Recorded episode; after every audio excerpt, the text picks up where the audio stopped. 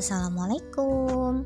Saya akan menceritakan sebuah kisah tokoh dalam Al-Qur'an, yaitu kisah Maryam.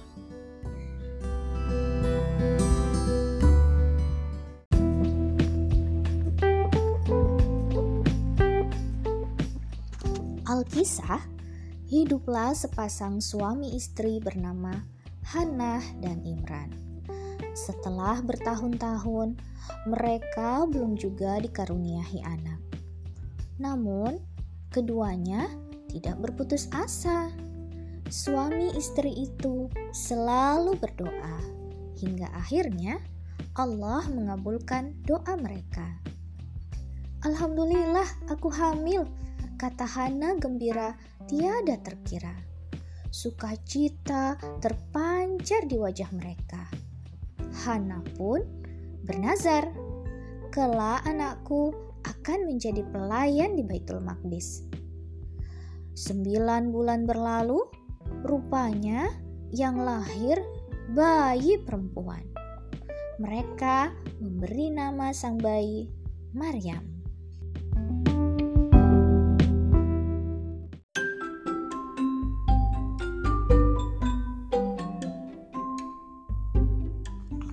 Hana pun membawa Maryam ke Baitul Maqdis.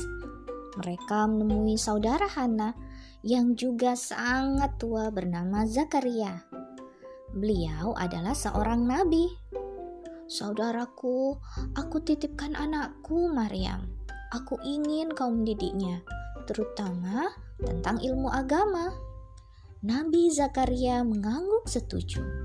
Setiap hari, Nabi Zakaria mengajarkan berbagai ilmu pengetahuan kepada Maryam. Maryam selalu berada di dalam mihrab sebelah timur Baitul Maqdis. Dia senantiasa beribadah kepada Allah. Maryam pun tumbuh menjadi gadis pintar yang juga berakhlak baik. Saat mengunjungi Maryam di mihrabnya, Nabi Zakaria selalu melihat Maryam berlimpah rezeki. Maryam, apakah yang telah memberimu semua ini? Tanya Nabi Zakaria terheran-heran.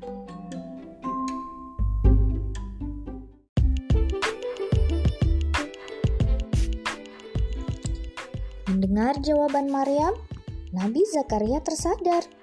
Dia teringat akan keinginannya.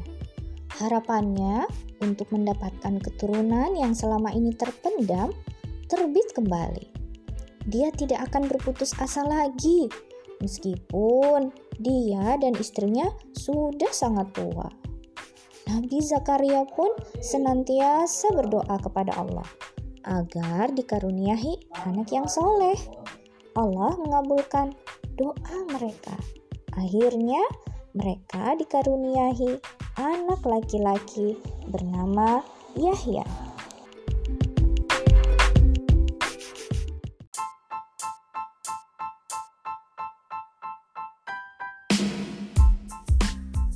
Maryam berkata, "Tentu saja Allah, Paman.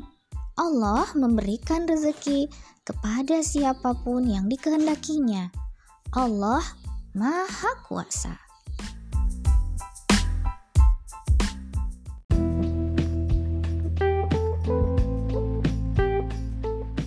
Suatu ketika, Maria mendapat kabar yang disampaikan malaikat Jibril.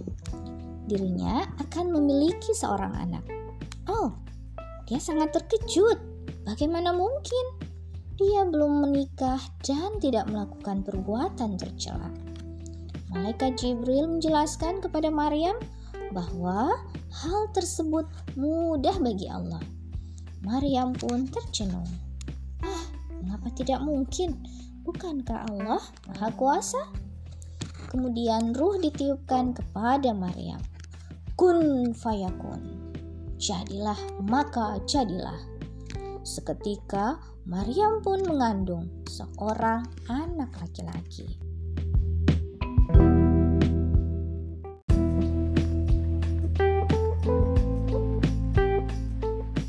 Maryam sangat bingung dia mencoba menguatkan hatinya untuk bersabar dan menerima. Sebelum kandungannya membesar, Maryam pergi jauh dari desanya. Untuk mempertahankan hidupnya, dia makan buah kurma matang yang berjatuhan dari pohon dan minum air dari aliran sungai yang ada di dekatnya. Berbulan-bulan kemudian, Maria melahirkan seorang anak bayi laki-laki. Tiba saatnya bagi Maryam untuk kembali ke desanya. Tentu saja, para tetangganya mencemooh dan mengejek Maryam. Hei Maryam, ngapa kamu lakukan itu? Ayah dan ibumu orang baik-baik. Namun Maryam tidak berbicara apa pun.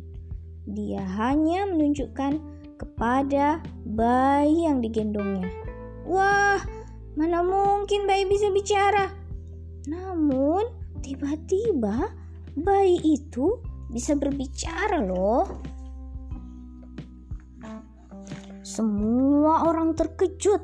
Rupanya bayi itu adalah Nabi Isa, utusan Allah.